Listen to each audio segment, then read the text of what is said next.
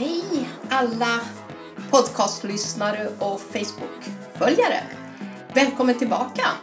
Det var ju ett tag sedan eh, vi körde det sista avsnittet. Men nu är vi här. Varför Spanien? Podcast med Kristina Berardi. Idag tänkte jag ta upp några aktuella ämnen. Bland annat Gloria. Ni hörde väl talas om eh, ovädret Gloria. Det låter ju väldigt vackert, eller hur? Gloria. Men hon var rasande arg. Det här kom in till oss här i eh, ja, runt den 20 januari i år. Och eh, det var inte bara att temperaturen sjönk drastiskt med 5, 10, 12 grader. Utan det var kraftiga vindar. Hon förde med sig precis som att det spöregnade. Och det här ovädret drabbades eh, Balearerna av, det vill säga Mallorca, Minorca. Men även hela kustremsan i Spanien. Ända uppifrån Katalonien ner till Valenciana och Andalusien. Och det tänkte jag prata lite grann om. Ja, Gloria var inte så snäll som namnet låter. Hon kom in med vågor på upp till 14,2 meter. Det är det högsta man har mätt upp, vad jag förstår, på eh, Medelhavet. Eh, det var ett rekord 2017. Då var det 6 meter. 14,2 meter. Det är ju högt som ett fyrvåningshus, eller hur? Ni kan ju tänka er de människor som gick relativt nära stranden och ville titta på det här arga havet vad som hände när de där stora vågorna kom in. De sköljdes ju med och bara for in. Fyra personer försvann. Jag tror att slutsumman på antal som förolyckades var 13. Eh, jag är inte riktigt uppdaterad. Men otäckt. Varje persons liv är ju viktig. Och det här är ju skrämmande alltså med kraftiga vindar. Upp till 110 km i timmen längs hela kusten. Och det är klart, det var lite lägre också, men det var max eh, vinden alltså. Hur som haver. I Valenciana har man väldigt stora risodlingar och det ska ju vara lite vatten på dem. Vattnet svämmar ju in. Jag tror det var halvmeter högt. Jag tror det är mer än 3000 kvadratkilometer av odlingarna som är helt totalt förstörda. Citrusodlingar likaså har svämmats över av för mycket vatten och av havsvatten. Helt förstörd. Jag tänker också på alla dessa som har fått sina hem bortspolade, neddränkta i vatten och all möjlig sörja. Hur det såg ut där med möblerna och sådär. Det här var ju det andra stora på bara fyra månader. Så det är lite skrämmande. Här längs kusten så kan vi säga ända uppifrån Katalonien ner över Valenciana, där jag bor, och ända ner till Andalusien så är de flesta stränder borta. Det vill säga de strandbarer, restauranger, gångpromenader, vägar som har varit där har bara försvunnit. Helt eller delvis. Fruktansvärt att se. Veckan efter, när Glory hade dragit förbi här, de kom det ner i södra Spanien i Andalusien. Så då drabbas de också. Regn, kraftiga vindar. Och det snöade till och med i Malaga. Kan ni tänka er? Jag vet inte när du gjorde det sista gången. Men det måste också vara en chock. Hur som helst, sådana här naturkatastrofer uppträder ju till och från på olika platser och nu drabbades vi igen. Jag kan väl säga, precis som förra gången, så klarade vi oss väldigt bra. Det regnade, men det var inte så mycket mer. Ja, det blåste, men inte så mycket. Men norr om oss, söder om oss, det var det översvämningar. Folk fick sina fastigheter förstörda. Jag kan ju lägga till det att det finns faktiskt en regel här Eh, hur nära stranden man får bygga sina fastigheter. Och det är 100 meter. Men vi vet ju, vi som har varit här och är här, Vi vet att det finns väldigt många fastigheter och byggnader nära stränderna. Så att den här lagen vet ju inte jag hur länge den har funnits. Men det finns de som har haft sina hus här i 40-50 år och aldrig varit med om något liknande. Så kan det gå ibland. Jag blev också lite chockad för att eh, jag såg folk gick i skum. Det såg ut som ett sånt här ölskum. Det var upp till midjan förstår ni. In över en stad välde det här havsskummet. Och när, man, när de gick utifrån och öppnade dörren, allt det här hade ju redan vällt in. Kan ni tänka er att gå i en skum? Oerhört konstigt tycker jag. Men det var vad som hände här. Med det här temperaturfallet som vi sa på en 5-8 grader så eh, blev ju jag förkyld. Jag tappade ju bland annat rösten, kunde ju inte prata. Det tog ju fyra dagar innan jag kunde börja eh, öppna munnen så att säga. Jag var ju lite rädd att stämbanden skulle gå. Därefter så kom ju lite feber, började hosta och så har jag hållit på ungefär två veckor. Och det känns inte bra för jag har inte fått träna under den här tiden. Så nu längtar jag faktiskt till att få komma tillbaka till träningen igen och återfå alla krafter. Nu, just nu känner jag mig så himla pigg i alla fall. Så eh, kör vi på.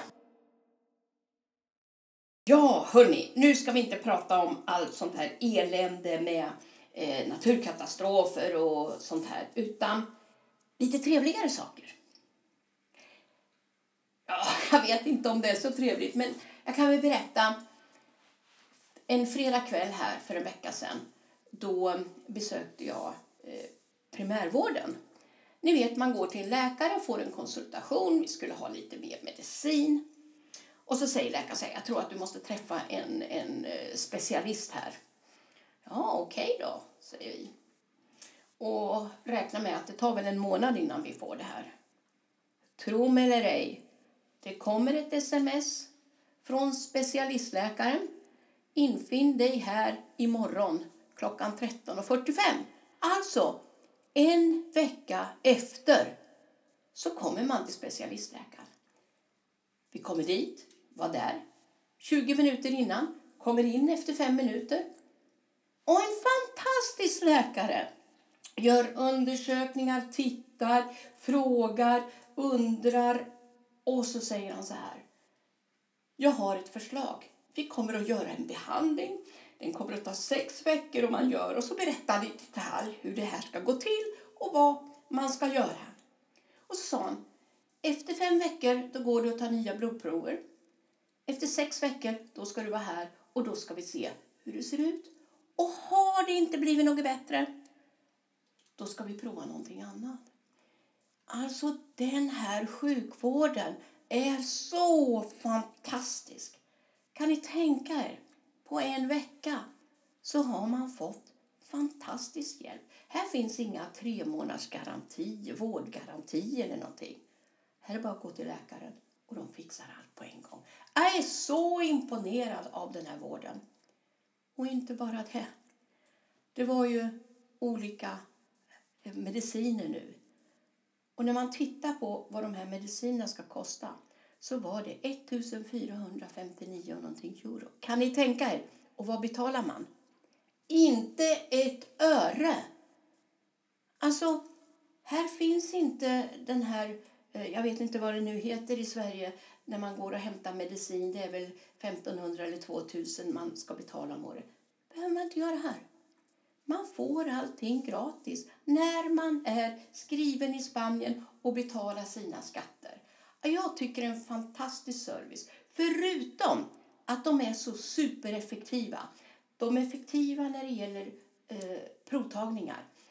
Då har de vissa tider man ska vara på en plats och så ropar de upp en och så går man in, alla får stå på kö och så tar de alla dessa prover. Eh, veckan efter så har man ett möte eller några dagar senare hos läkaren som berättar hur det har gått med proverna och vad fortsättningen ska bli. När man kommer sen som vi gjorde till en specialist då matar man in sitt, eh, man har ett sånt här sjukvårdskort som heter SIP. Då går man dit och vad gör man då? Då matar man in sitt nummer så kommer ut en eh, biljett och då står det att du ska gå till rum nummer eh, si och så Och så står det stora skyltar och där håller de tiderna. Man behöver inte sitta och vänta en halvtimme, en timme på att få komma in. Och man vet exakt vilka nummer de har ropat. Så, alltså jag är så imponerad av hur effektiva de är här. Fantastiskt! Alltså, jag skulle önska att eh, de från Sverige kom hit och tittade på hur de jobbar med det här. Så imponerad. Och vårt allmänna universitetssjukhus här, det är ett privat sjukhus faktiskt. Och det är mycket så i Spanien. Det är privat men ligger under ledning av eh, eh länet så att säga här, eh, sjukvårdslänet. Så att eh, fantastiskt! Jag kan bara säga, vi är lyckliga som bor här när vi är sjuka, för då får vi hjälpen. Sen har jag hört också att eftervården kanske inte är den bästa. Det vill säga man ska gå till någon fysioterapeut eller göra vissa saker. Där kanske inte funkar lika bra. Men jag menar, det finns hur många som helst fysioterapeuter och de kan man anlita utan att man blir ruinerad. Så att det får man väl bara ta tag i dem om det är så. Så jag måste säga grattis till oss allihopa som bor här i Spanien för vi har det superbra när någonting händer.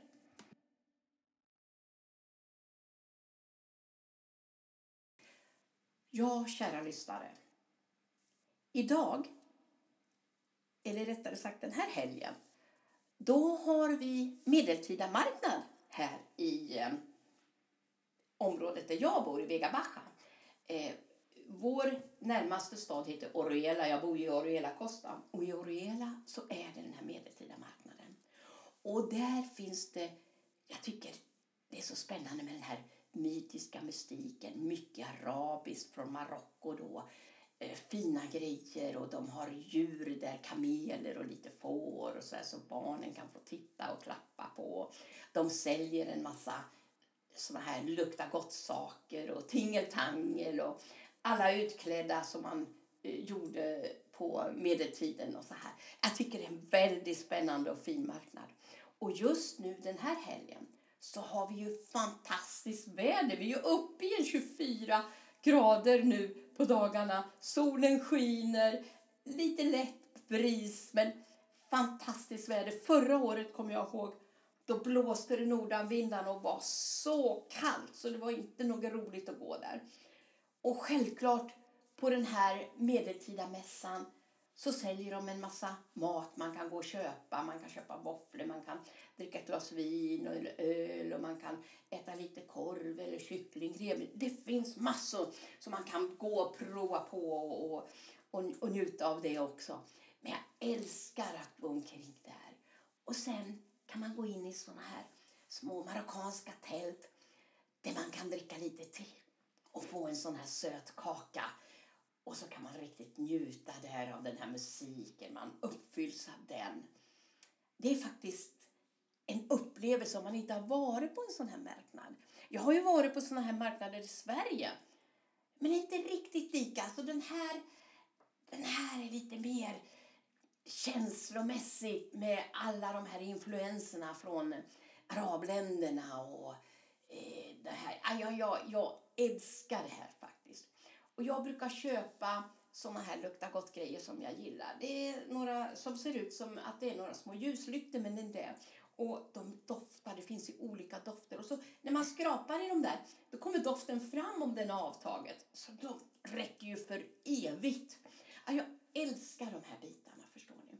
Och när man går in i de här tehusen och dricker te, då får man dricka det i speciella glas eh, kan man säga. Vackra färger och så. Och när man går då får man ta med sig glaset. Alltså, jag har flera stycken sådana här glas och tycker det är så häftigt. Ja, medeltida marknaden i Spanien här i Oriela, den kan jag varmt rekommendera till alla. Och speciellt nu när vi har så här fint väder. Kan inte vara bättre. Ja, kära lyssnare och eh, följare. Innan jag avslutar idag så skulle jag vilja påminna om att jag finns faktiskt på Facebook under Varför Spanien podcast med Kristina Berardi. Det skulle vara jättetrevligt och roligt om du kunde komma med några uppmuntrande ord, kanske förslag på några teman som du vill veta lite mer om här i Spanien. så ska jag försöka ta reda på det. Det vore superbra. Och